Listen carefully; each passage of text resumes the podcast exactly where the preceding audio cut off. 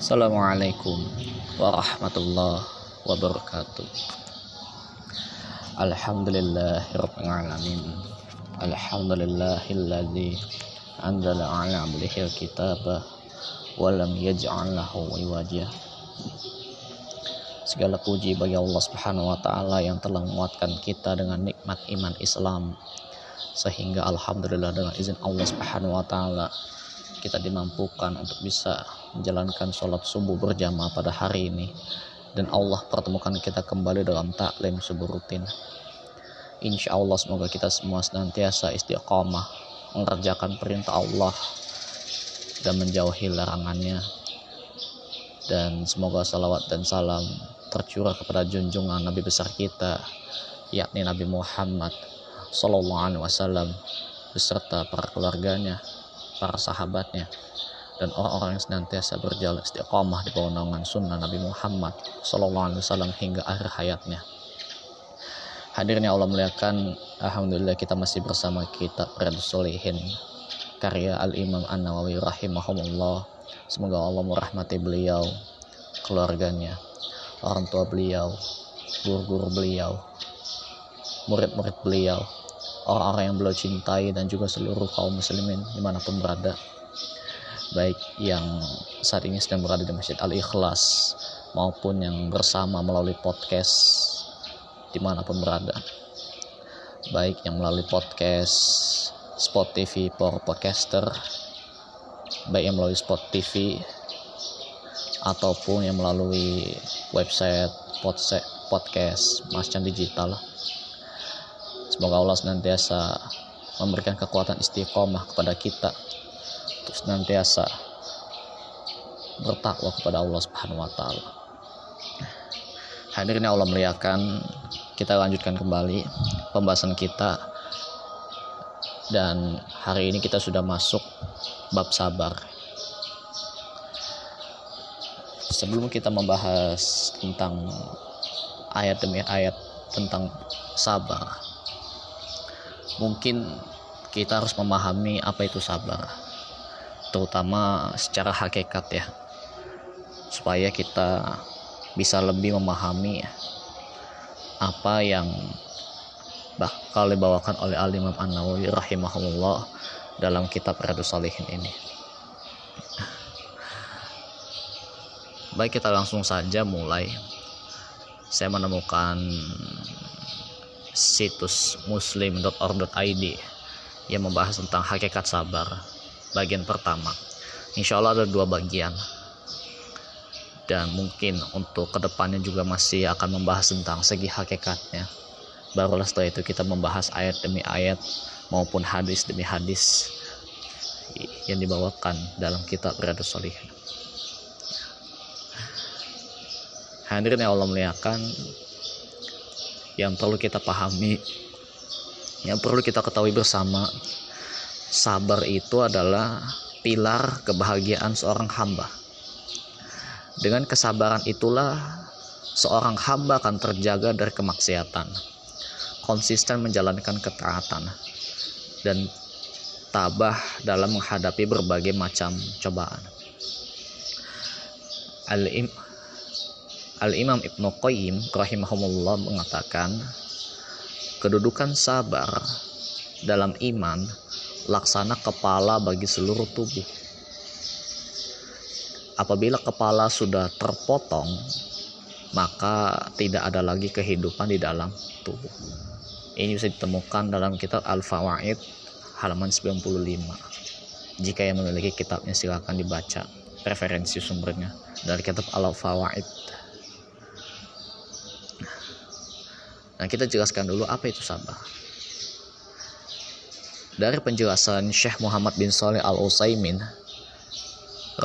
rahimahullah mengatakan sabar itu adalah meneguhkan diri dalam menjalankan ketaatan kepada Allah menahannya dari perbuatan maksiat kepada Allah serta menjaganya dari perasaan dan sikap marah dalam menghadapi takdir Allah Subhanahu wa taala. Nah, ini bisa ditemukan definisi beliau dalam kitab Syarat Salasul Usul. Salasul salah satu usul. Lalu beliau juga menjelaskan macam-macam sabar. Dan beliau sebut jadi tiga bagian dalam hal ini sabar. Yang pertama adalah bersabar dalam menjalankan ketaatan kepada Allah Subhanahu wa taala. Lalu yang kedua, bersabar untuk tidak melakukan hal-hal yang diharamkan Allah Subhanahu wa taala. Dan yang ketiga adalah bersabar dalam menghadapi takdir Allah yang dialaminya. Berbagai macam takdir. Entah itu berupa berbagai hal yang menyakitkan dan dan gangguan yang timbul dari luar kekuasaan manusia ataupun yang berasal dari orang lain itu sendiri. Masih dalam kitab Syarah Salah Satu Usul penjelasan ini. Itu tiga macam sabar. Lalu ada penjelasan dari Syekh As-Sa'di rahimahullah dalam kitab Taisir Latifil Mana'an beliau menyebutkan sebab-sebab untuk menggapai berbagai cita-cita yang tinggi. Dalam hal ini sebab meraih kemuliaan. Beliau menyebutkan bahwa sebab terbesar untuk bisa meraih itu semua adalah iman dan amal soleh. Di samping itu, ada sebab-sebab lain yang merupakan bagian dari kedua perkara ini. Jadi sebab yang bercabang dari sebab utama di antaranya adalah kesabaran. Sabar adalah sebab untuk bisa mendapatkan berbagai kebaikan dan menolak berbagai keburukan. Hal ini sebagaimana yang disyaratkan oleh firman Allah Subhanahu wa taala di surat Al-Baqarah ayat 45. Kalau kita cari dulu ayatnya ada dalil menyebutkan sabar dan sholat di surat Al-Baqarah ayat 45.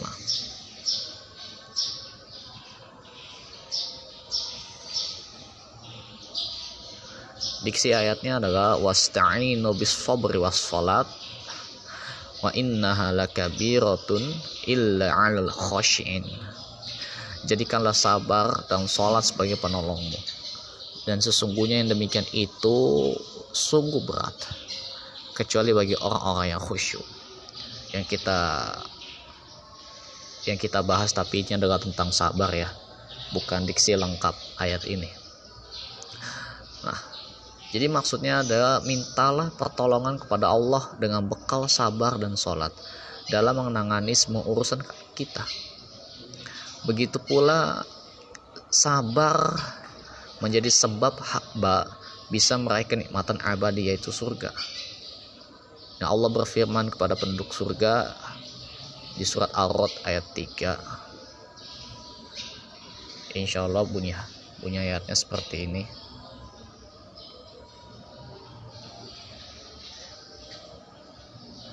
Surat Ar-Rod ayat 13. Uh, mohon maaf, surat Ar-Rod ayat 24 maksudnya. Surat Ar-Rad ayat 24 Allah berfirman salamun alaikum bima sabartum fa ni'ma uqbad dar. Sambil mengucapkan salamun alaikum bima sabartum maka alangkah baiknya tempat kesudahan tersebut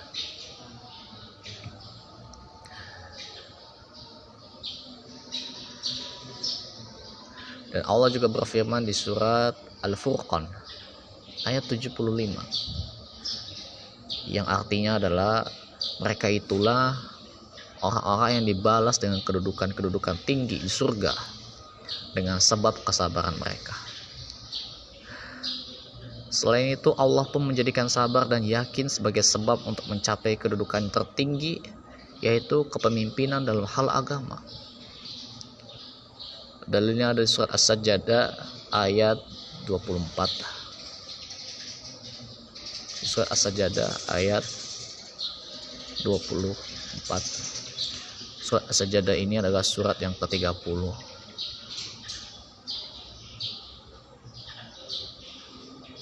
Oh mohon maaf salah. Surat As-Sajdah itu ayat surat yang ke-32 lalu ayat ke 24 bunyinya adalah waj'alna minhum a'immatan yahduna bi amrina lamma sabaru. Dan kami jadikan di antara mereka itu pemimpin-pemimpin yang memberi petunjuk dengan perintah kami ketika mereka sabar. Wa kanu bi ayatina yuqainun dan mereka itu meyakini ayat-ayat kami begitu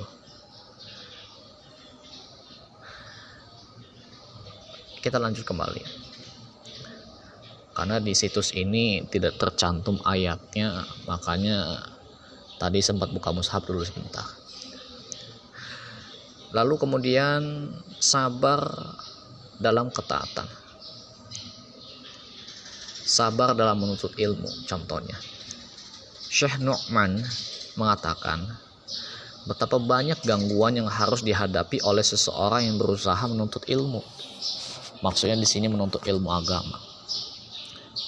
Maka dia harus bersabar untuk menahan rasa lapar kekurangan harta duit habis gitu ya. Hak jauh dari keluarga dan tanah airnya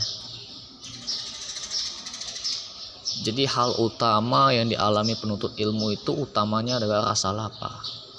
Karena yang namanya belajar itu butuh fokus, bukan nyambil nyemil. Nanti yang ada malah fokus ke cemilan ya, bukan belajar. Lalu ditimpa kekurangan harta. Ya terkadang setiap bulan ada yang merutinkan beli satu buku, satu buku, satu buku, satu buku dalam sebulan untuk belajar ilmu tertentu bahkan dalam urusan dunia pun kadang begitu sebagian. Alasannya mah kosongkan gelas. Belajar ilmu terus update biar bisnis berkembang. Misalnya kalau bicara dunia. Nah, apalagi dalam urusan akhirat. Yang tentu saja kita masih sangat butuh dengan ilmu.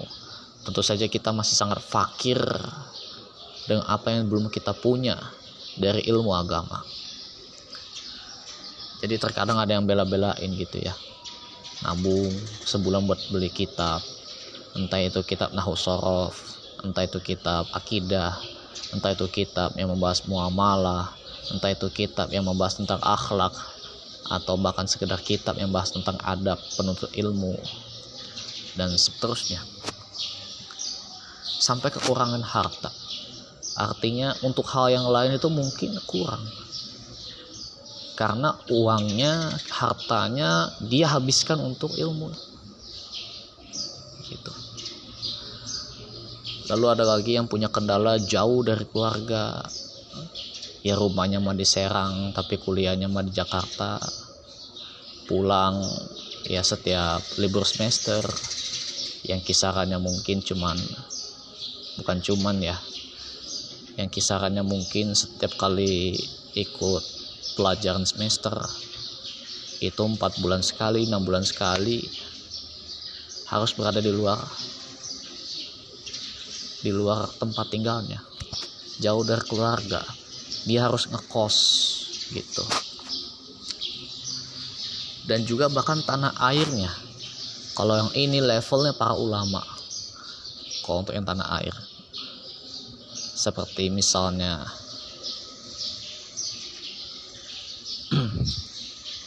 kita lanjut. Mohon maaf saya lupa tadi barusan ngomong apa. Jadi kata Syekh Nu'man dengan hal yang dialaminya itu dia harus bersabar dalam upaya menimba ilmu dengan cara menghadiri pengajian-pengajian. Mencatat dan memperhatikan penjelasan serta mengulang-ulang pelajaran dan lain sebagainya. Murojaah pelajaran dia mengulang kembali. Kembali ke awal. Baca lagi. Gitu. Jadi bukan hanya sekedar ikut pengajian saja. Di kita memang sudah sangat bagus kadang ikut pengajian rutin. Namun siapa juga yang mau mencatat? Mencatat apa yang disampaikan? Atau kalau kita mau opsinya merekam. Merekam video. Atau merekam suara saja. Walaupun bagusnya itu mencatat dan memperhatikan penjelasan serta mengulang-ulang pelajaran dan lain sebagainya dalam upaya menuntut ilmu itu. Semoga Allah merahmati Yahya bin Abi Katsir yang pernah mengatakan, ilmu itu tidak akan didapatkan dengan banyak istirahat di badan. Ilmu itu tidak akan didapatkan dengan banyak mengistirahatkan badan sebagaimana tercantum dalam kitab Sahih Muslim. Terkadang seseorang harus menerima gangguan dari orang-orang yang terdekat darinya. Apalagi orang lain yang hubungannya jauh dari dia. Hanya karena kegiatannya menuntut ilmu. Tidak ada yang bisa bertahan kecuali orang-orang yang mendapatkan anugerah ketegaran dari Allah Subhanahu wa taala. Itu dijelaskan dalam kitab Taisir Usul bagi yang punya kitabnya silahkan dicek ulang.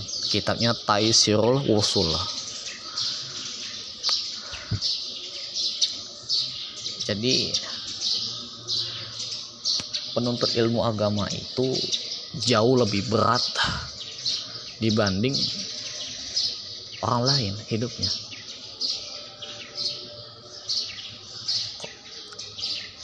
karena penuntut ilmu itu butuh fokus butuh perhatian lebih. Terkadang ada yang makannya sekali sehari hanya karena sibuk mencatat hanya karena sibuk untuk merangkum berbagai ilmu yang sudah dia dapat dari ustadz-ustadznya dari kiai-kiainya. Jadi nggak mudah. Terkadang kalau zaman kita mungkin yang serius banget seperti itu adalah orang yang sampai ngecuekin orang terdekatnya. Padahal dia nggak bermaksud ngecuekin cuman karena emang saking fokusnya dengan ilmu. Gitu. Misalnya seorang anak sedang asik mencatat sesuatu yang dia pelajari dari Al-Quran dan hadis yang diterangkan oleh para ustadznya. Begitu lalu dipanggil dari jauh oleh ibunya namun gak nyahut-nyahut. Karena langsung pikirannya itu tertuju hanya dengan apa yang dia catat. Itu memang tidak mudah. Terkadang ada sebagian yang merasa terganggu malah sedikit kesal karena dipanggil-panggil gitu ya.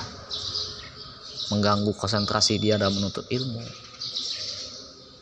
Dan gangguan seperti itu memang sangat banyak itu menurut penjelasan dari Syekh Nu'man yang juga diperkuat oleh perkataan Yahya bin Abi Kasir lalu kemudian sabar dalam mengamalkan ilmu. Itu tadi baru belajar ilmunya. Tadi itu baru mendapatkan ilmunya. Yang tadi itu baru tentang mencatat ilmunya yang itu juga tadi tentang baru mendengar ilmunya. Nah sekarang dilanjutkan oleh kembali dilanjutkan kembali oleh Syekh Nu'man. Sabar dalam mengamalkan ilmu. Beliau mengatakan dan orang yang ingin beramal dengan ilmunya juga harus bersabar dalam menghadapi gangguan yang ada di hadapannya. Apabila dia melaksanakan ibadah kepada Allah mengikuti syariat yang diajarkan Rasulullah Sallallahu Alaihi Wasallam niscaya akan ada ahlu bid'ah wal ahwa para pengikut bid'ah dan pengikut hawa nafsu yang menghalangi di hadapannya. Demikian pula orang-orang bodoh yang tidak kenal agama kecuali ajaran warisan nenek moyang.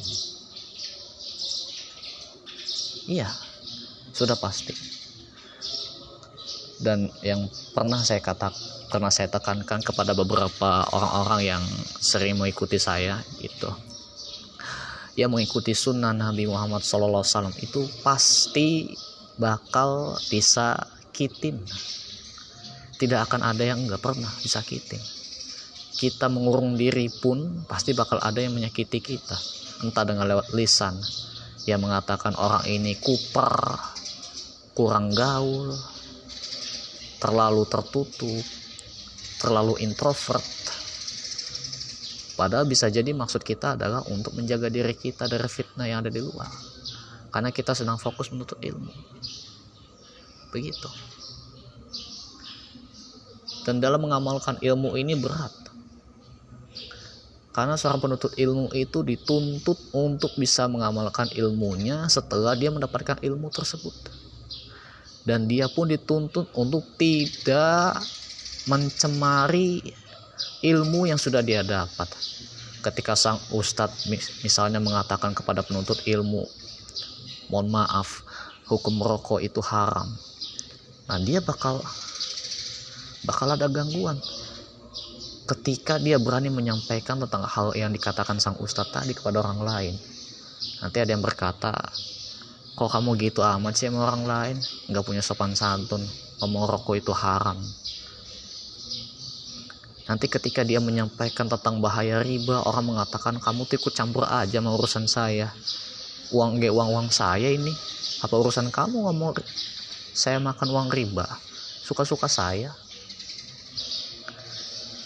ada juga yang berusaha mengamalkan sholat berjamaah tepat pada waktunya karena sang ustadz itu sudah menjelaskan tentang berbagai keutamaan kepada penuntut ilmu tersebut. Namun tiba-tiba diganggu dengan hal yang sebetulnya hanya mubah yang itu bisa dilakukan nanti setelah sholat berjamaah itu ditunaikan. Nah, minta tolong dulu beli sayur, sholat membelah di rumah aja nggak apa-apa. Padahal nggak ada uzur syar'i yang mengharuskan seorang penuntut ilmu itu untuk taat kepada orang tuanya. Hanya karena urusan tersebut. Ketika anak itu mengatakan nanti aja habis sholat langsung pulang nanti beli sayuran. Kadang ada sebagian menentang kok kamu ngatur-ngatur? Orang harusnya sekarang disuruhnya. Kenapa nyuruh-nyuruh mama? Kenapa nyuruh-nyuruh papa kamu tuh merasa lebih pintar ya dari papa sama mama. Merasa lebih pintar ya dari ustadz. Kadang ada yang fitnah demikian. Dan saya temukan sebagian orang punya ujian seperti itu kepada anak muda. Dan sangat sedikit sekali anak muda yang bertahan dengan ujian tersebut. Itu untuk diri saya pribadi. Melihat berbagai kasus demikian. Lalu bagaimana dengan yang lain Bagaimana kata Syekh Nu'man yang sudah lebih memahami pengalaman hidup tentang berbagai orang yang berusaha menuntut ilmu, mengamalkan ilmu yang pastinya akan mendapat gangguan, bahkan dari ahlul bid'ah dan para pengikut hawa nafsu. Jadi dilanjutkan oleh Syekh Nu'man. Sehingga gangguan berupa ucapan itu harus diterimanya dan terkadang bentuk bentuknya gangguan fisik. Bahkan terkadang dengan kedua-duanya. Digertakin diancam. Ada yang dipukulin dengan sapu lah ada yang disabet ada yang disiksa. Ya seperti yang tadi saya contohkan. Terkadang ada yang main fisik bang. Sayanya masa mau sholat jamaah tepat waktu nggak bisa. Giliran saya minta nanti habis sholat baru bisa beli malah marah. Terkadang ada yang begitu. Nanti diancam gak dikasih makan lah gak dikasih uang. Kasihan anak muda zaman sekarang yang sangat sedikit untuk istiqomah seperti itu.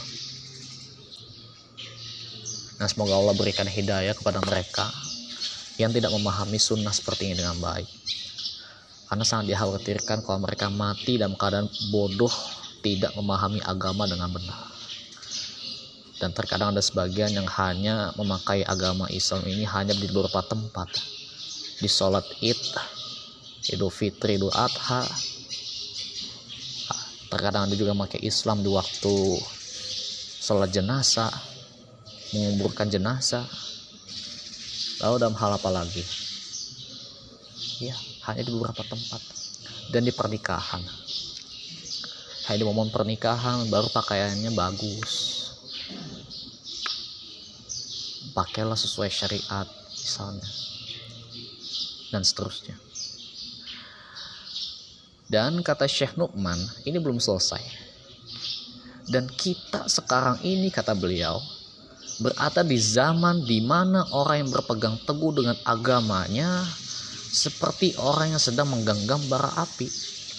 Maka cukuplah Allah sebagai penolong bagi kita. Hasbunallah wa ni'mal wakil. Dialah sebaik-baik penolong. Itu kata beliau. Jadi bara api itu panas. Tapi kalau dia lepaskan genggaman itu, nanti bara api itu akan padam dan tidak tidak menghasilkan cahaya untuk menerangi jalan hidupnya. Seperti itu.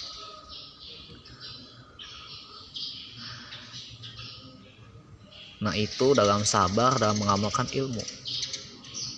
Itu baru mengamalkan ilmu ya. Berarti kan konteksnya buat diri pribadi. Bukan buat nembakin ke orang lain. Nah, ini yang lebih berat lagi, yaitu sabar dalam berdakwah. Kalau di urutan awal, sabar dalam menuntut ilmu syar'i, gangguan lapar. Gangguan lapar itu kan dari diri sendiri, gitu ya. Kadang kita lupa buat makan gitu. Lalu yang kedua itu sabar dan mengamalkan ilmu dan itu pun mengamalkan ilmu buat dirinya sendiri pula. Bukan buat orang lain. Bukan buat nunjukin saya lebih hebat dari dia. Belum dia baru berusaha memulai step istiqomah terberatnya step istiqomah itu maksudnya dia berusaha memulai bagaimana caranya biar bisa istiqomah dalam beramal. Mengamalkan ilmu buat dirinya sendiri itu. Sudah ada gangguan. Nah ini yang lebih berat lagi. Bahkan lebih plus plus yaitu sabar dalam berdakwah. Bagaimana itu? Masih dari Syekh Nu'man menjelaskan. Begitu pula orang yang berdakwah levelnya. Jadi sudah berusaha menuntut ilmu mengamalkan ilmu dan setelah dia sudah konsisten dua, dua poin itu barulah dia berdakwah karena sudah matang ilmunya nah orang yang berdakwah ini mengajak kepada agama Allah yang mengajak kepada agama Allah harus bersabar menghadapi gangguan yang timbul karena sebab dakwanya. Karena di saat itu dia tengah menempati posisi sebagaimana para rasul. Maksudnya, apakah kedudukan dia sebagai rasul? Bukan. Tapi dia akan ditempatkan pada kondisi yang sama sebagaimana para rasul itu berdakwah. Coba lihat sejarah rasul terdahulu berdakwah seperti apa. Ya tentu saja yang terdekat adalah Rasulullah Sallallahu Wasallam Nah, Waroko bin Naufal mengatakan kepada Nabi Shallallahu Alaihi Wasallam, tidaklah ada seorang pun yang datang dengan membawa ajaran sebagaimana yang kamu bawa. Maksudnya yang dibawa Nabi Muhammad Wasallam, melainkan pasti akan disakiti orang lain. Pasti. Entah itu orang tuanya, entah itu anaknya, suaminya, istrinya, kakaknya, adiknya, saudaranya. Pasti. Itu lingkungan terdekat gak akan lepas loh dari pengaruh hal itu. Baik itu mayoritas yang mengganggu dia maupun hanya sedikit yang mengganggu dia dari di antara kerabat dekatnya. Itu berkerabat dekat. Belum ngomong yang jauh, tetangga. Belum ngomong tentang orang lain yang gak ada kaitan dengan hidupnya pasti disakitin orang. Sehingga jika dia mengajak kepada tauhid utamanya, karena tauhid ini adalah pelajaran nomor satu, pelajaran emergensi nomor satu di setiap zaman. Sehingga kalau dia mengajak kepada tauhid, didapatinya para daim mengajak kesyirikan tegak di hadapannya. Begitu pula para pengikut dan orang-orang yang mengenyangkan perut mereka dengan cara itu. Sedangkan apabila dia mengajak kepada ajaran sunnah, maka akan ditemuinya para pembela bid'ah dan hawa nafsu.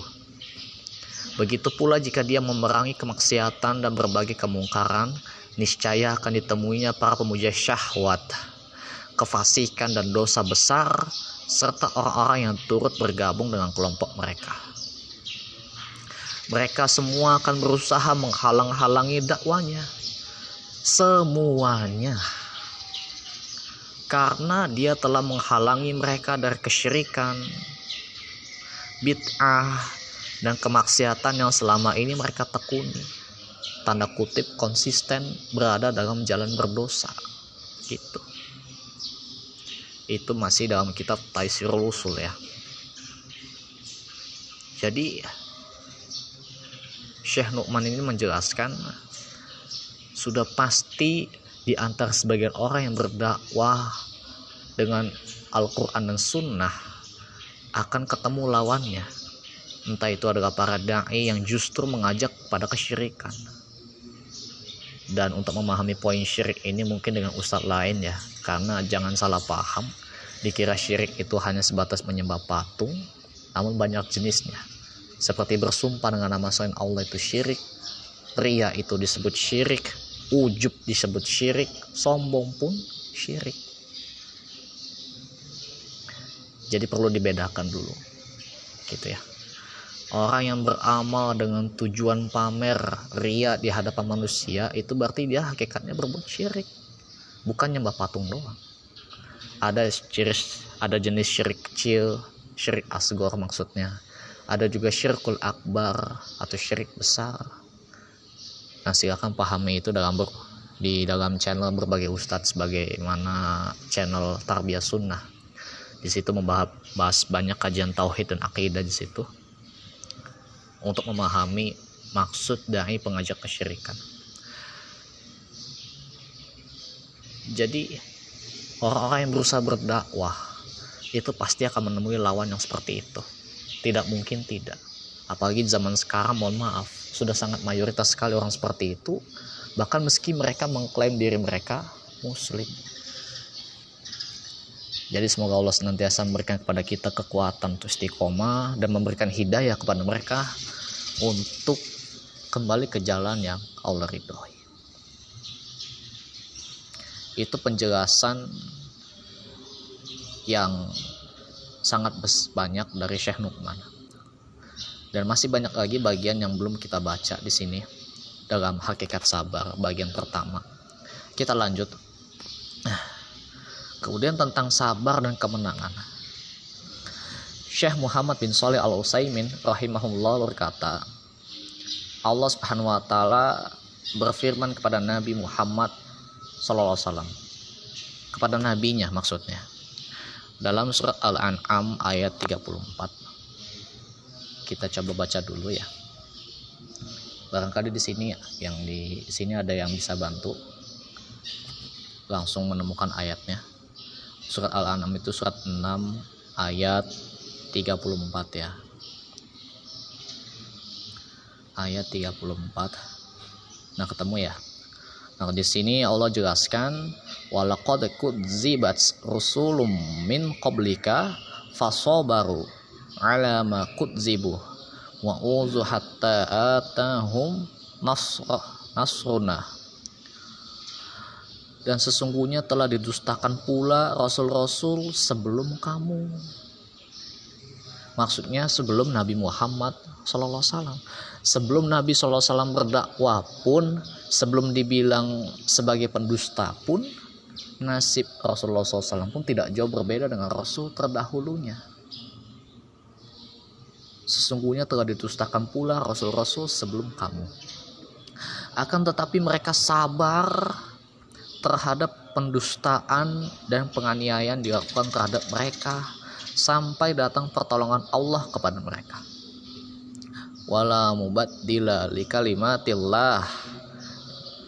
Tak ada seorang pun yang dapat berubah kalimat-kalimat. Maksudnya janji-janji Allah Subhanahu wa taala. Walaqad ja'aka min naba min naba'il mursalin dan sesungguhnya telah datang kepadamu sebagian dari berita rasul-rasul itu. Semakin besar gangguan yang diterima, niscaya semakin dekat pula datangnya kemenangan.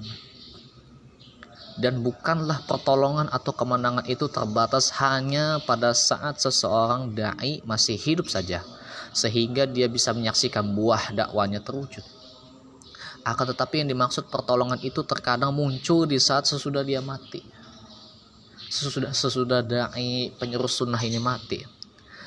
Yaitu ketika Allah menundukkan hati-hati umat manusia sehingga menerima dakwanya serta berpegang teguh dengannya. sesungguhnya hal itu termasuk pertolongan yang didapatkan oleh dai ini meskipun dia sudah mati gitu jadi ini bukan masalah hasil ya ini soal proses. Orang-orang kapitalis pastinya merasa tidak suka dengan konsep seperti ini. Konsep Islam itu selalu perhatikan proses tidak pedulikan hasil justru. Hasil itu tidak perlu dirisaukan. Yang perlu dirisaukan itu proses. Dalam konsep apa pun kalau dikaitkan dengan Islam semuanya itu harus dengan proses yang benar. Tidak akan bisa kita pedulikan tidak akan bisa kita anggap itu sebagai amal soleh jika seseorang bersedekah namun dengan proses yang haram. Niatnya bagus dia pengen sodako ya judulnya mah sodakonya itu nyumbang masjid. Tapi lewat nyolong maling nyopet nyopet di jalanan kadang nyopet mohon maaf di masjid lain dipretelin kotak amalnya. Kadang ada. Dipretelin kotak infaknya. Lalu dikasih ke masjid lain. Niatnya bagus disebutnya mamal soleh bagi yang nggak tahu. Tapi Allah subhanahu wa taala menganggap itu tidak akan diterima kalau prosesnya haram. Karena proses itu dinilai di sisi Allah bukan hasil karena hasil itu bisa jadi baru kelihatan walaupun yang melakukan prosesnya itu mati. Dalam semua konsep demikian termasuk mencari rezeki. Mencari rezeki itu bukan masalah banyak atau sedikitnya tapi soal prosesnya. Apakah dia selama ini mencari nafkah misalnya judulnya? Dengan cara ridho Allah atau dengan tamak rakus. Itu bakal beda hasilnya. Kalau yang memang benar-benar dengan ridho Allah maka dia akan lakukan sebisanya. Dia akan lakukan sebisanya tidak terlalu menggebu-gebu terhadap harta yang didapati dari calon pembeli misalnya. Dan dia akan menganggap apa yang tidak dia miliki itu itu berarti bukanlah ditakdirkan buat dirinya sedangkan orang tamak itu kan harus merasa harus dapat harus dapat harus dapat. Siapa yang bilang harus? Saya mau bayar utang masalahnya. Ya bayar utang kan Allah yang lunaskan bukan kita. Katanya kita semua sepakat kita hanya bisa berusaha. Tapi di saat yang bersamaan kita malah memungkiri hal tersebut. Karena hanya lisannya saja hanya ilmunya saja hanya pengakuannya saja namun dalam hatinya belum tertanam ilmu bahwasanya rezeki itu memang benar-benar di tangan Allah Subhanahu wa taala. Karena terlalu sering, terlalu sering melihat objek masalahnya. Namun dia tidak fokus terhadap apa yang akan Allah berikan pertolongannya kepada dia ketika dia menghadapi masalah tersebut. Makanya stres. Dia nggak suka dengan proses yang rumit. Dia maunya instan. Pokoknya hasil langsung jebret gitu ya Nah, ini tidak baik dalam Islam. Karena justru kita belajar hikmah sabar salah satunya untuk memahami bahwasanya Islam itu yang Islam itu menghargai proses, bukan hasil. Karena proses itu bagi orang beriman lebih nikmat daripada hasilnya. Begitu. Karena tadi kita sudah sampaikan dalam menuntut ilmu itu proses. Belum membuahkan yang disebut sebagai pemahaman yang utuh. Baru mengamalkannya gitu ya baru mempelajari ilmunya hasilnya sudah ketahuan. Kelaparan harta habis terus ada kalau yang terbiasa nonton YouTube buat ceramah kan kadang ngabisin kuota gitu ya ada yang kadang download bergiga-giga lalu dikumpulkan dalam device smartphone-nya laptopnya hanya untuk apa? Untuk download kajian-kajian ustadz. Banyak.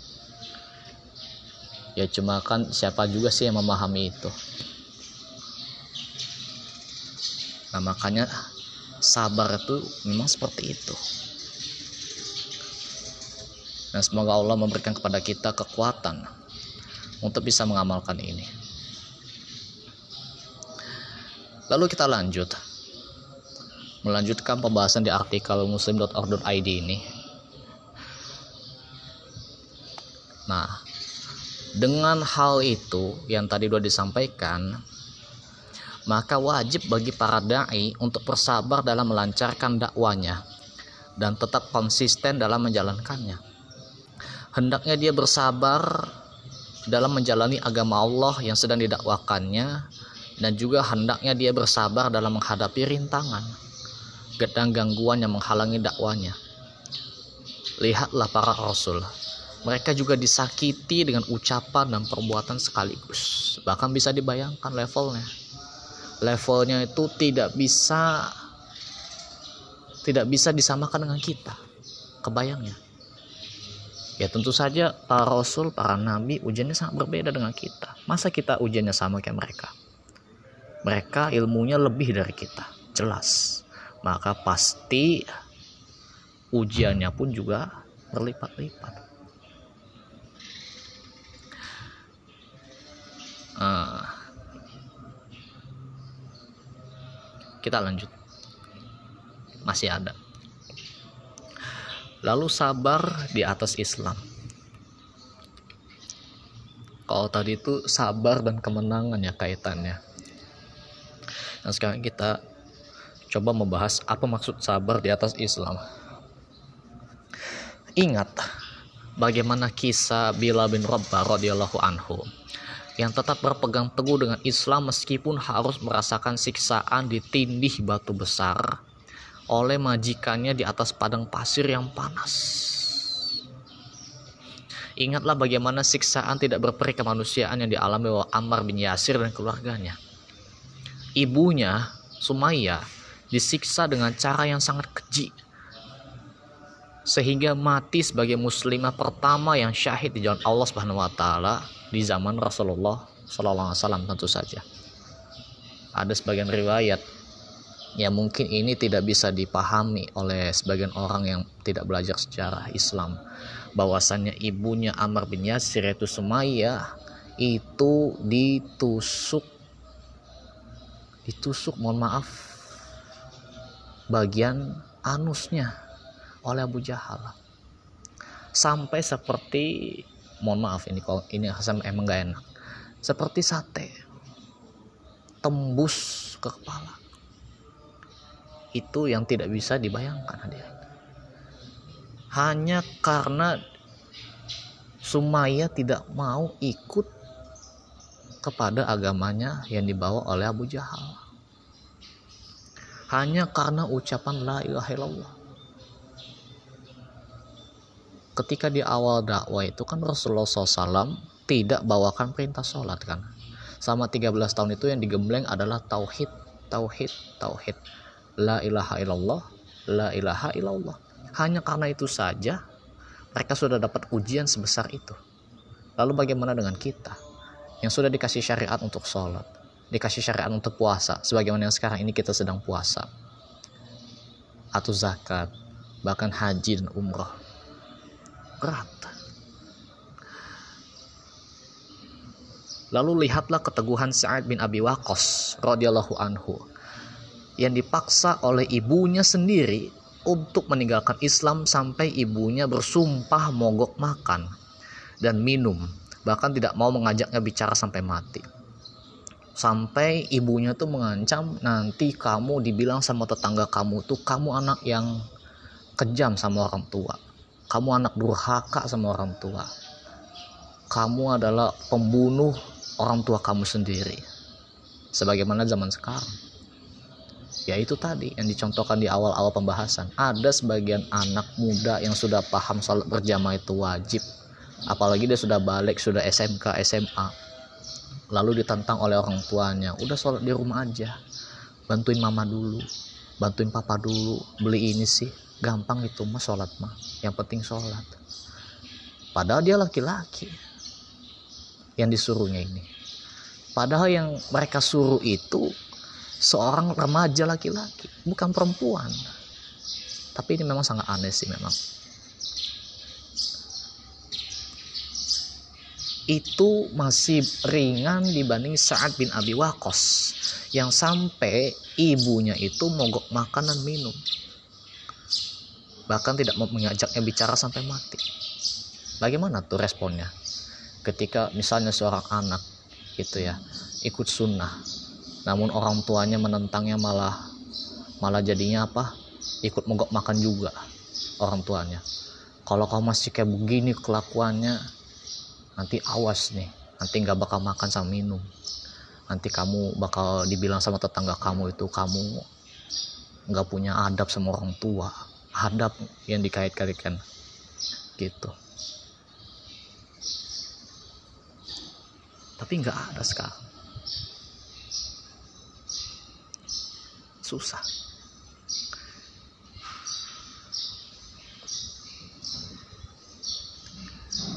nah kita lanjut kembali kisah Sa'ad bin Abi Waqqas tadi.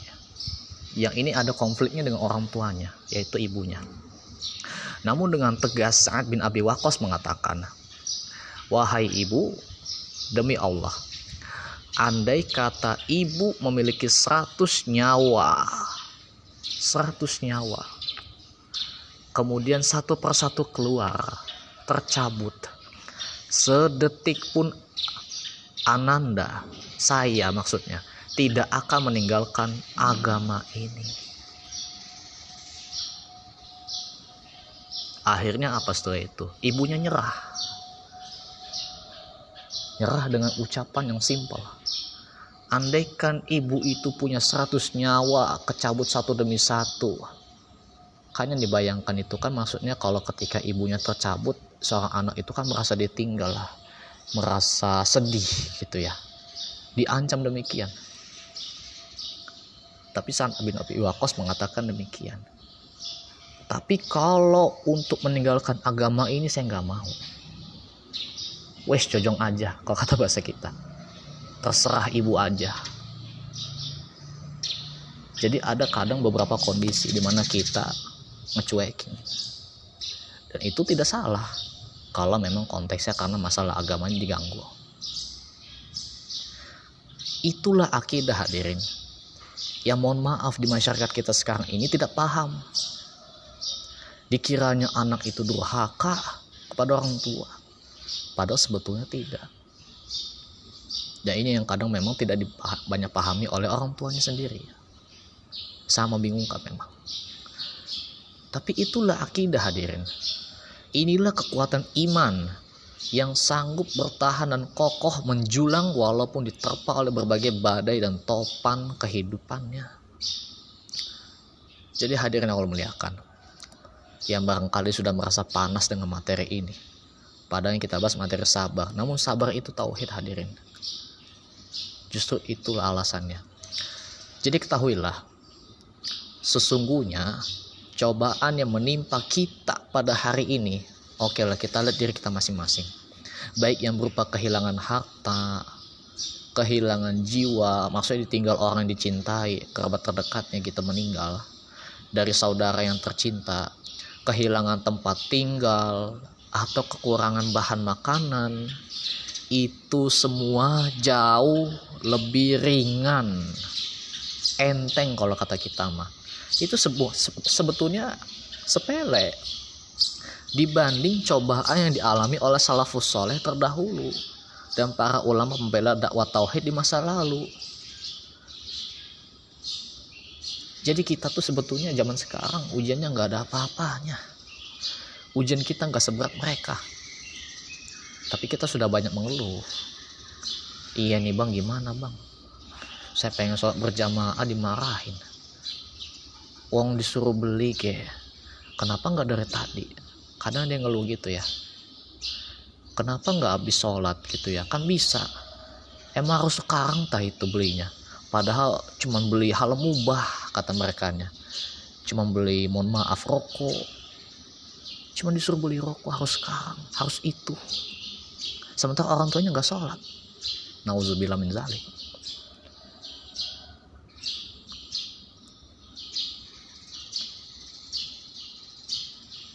Tentu ini tidak hanya sekedar butuh kesabaran. Namun memang kita harus kadang memisahkan diri dari lingkungan seperti itu supaya kita tidak terpengaruh. Supaya kita tidak terpengaruh dengan akidah yang menyimpang yang lagi-lagi itu hawa nafsu bawaannya. Tapi itu semua nggak ada apa-apanya. Dibanding para salafus soleh bayangkan mereka itu disakiti diperangi didustakan dituduh yang bukan-bukan ya tadi itu contohnya. Dikiranya mereka ini durhaka nih anak nih. Anak ini nggak punya adab sopan santun nama orang tua. Ngatur bisanya. Sholat harus sekian masa saya nyuruh tapi terkesannya saya disuruh balik. Habis sholat baru ini itu mah nyuruh. Oh iya emang kadang menyakitkan memang. Hati seorang anak yang merasa mereka itu padahal udah lemah lembut ngejelasinnya. Padahal mereka minta tolong bukan dengan golok mereka minta tolong bukan dengan marah-marah. Mereka minta tolong bukan dengan kasar. Untuk hanya minta tolong biar bisa sholat jamaah tepat waktu itu nggak bisa kebanyakan kalau hal ini sudah diremehkan bagaimana mau amal lain yang lebih berat? Amal membangun masjid misalnya kah? Menuntut ilmu dan sebagainya para ulama salafus soleh itu juga disakiti, diperangi, didustakan, dituduh yang bukan-bukan, bahkan dikucilkan. Ada yang tertimpa kemiskinan harta. Bahkan ada juga yang sampai meninggal di dalam penjara. Sebagaimana kisah Syekh uh, siapa namanya? Muridnya Ali Imam Qayyim tuh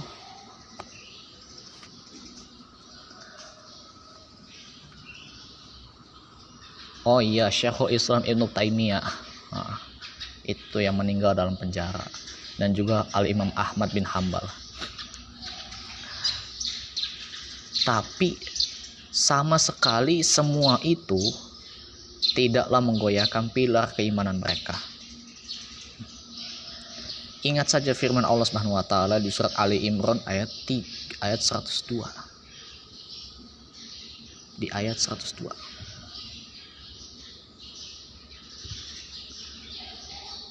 Kita buka lagi ya itu ya. Di surat Ali Imran ayat 102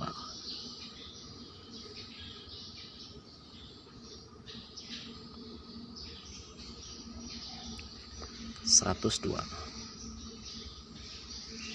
di situ Allah berfirman, "Ya ayyuhallazina amanu taqullaha haqqa tuqatih wa la tamutunna illa wa antum muslimun."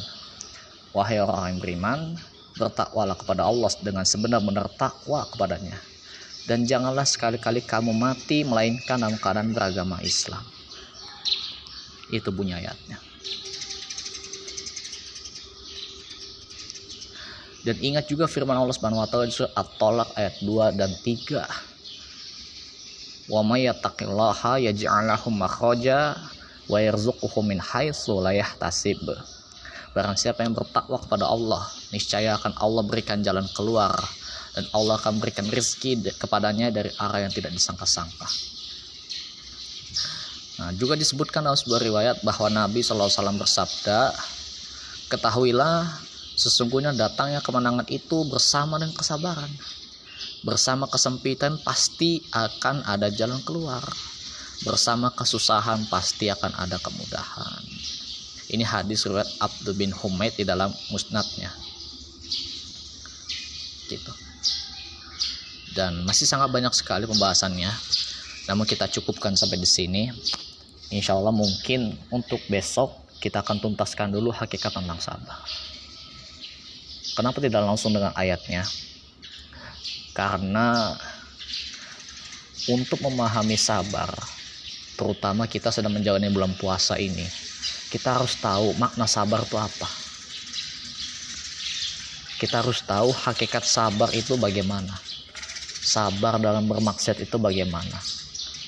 Maksudnya sabar dalam menahan diri untuk tidak maksud itu bagaimana. Sabar dalam beragama Islam itu bagaimana. Sabar dalam menjalankan ketaatan itu bagaimana. Sabar di dalam menahan diri dari gangguan dan cobaan yang dihadapinya. Nah, insya Allah saya cantumkan artikel yang barusan saya baca ini di link deskripsi ya. Nah, mungkin itu saja yang bisa disampaikan. Kurang lebihnya mohon maaf. Dan sebelum kita tutup, marilah kita tutup dengan doa kifaratul majelis. Subhanallah bihamdihi, subhanakallahumma bihamdika, asyhadu an la ilaha anta astaghfiruka wa atubu ilaik. Wassalamualaikum Muhammad. Alhamdulillahirabbil alamin. Wassalamualaikum warahmatullahi wabarakatuh.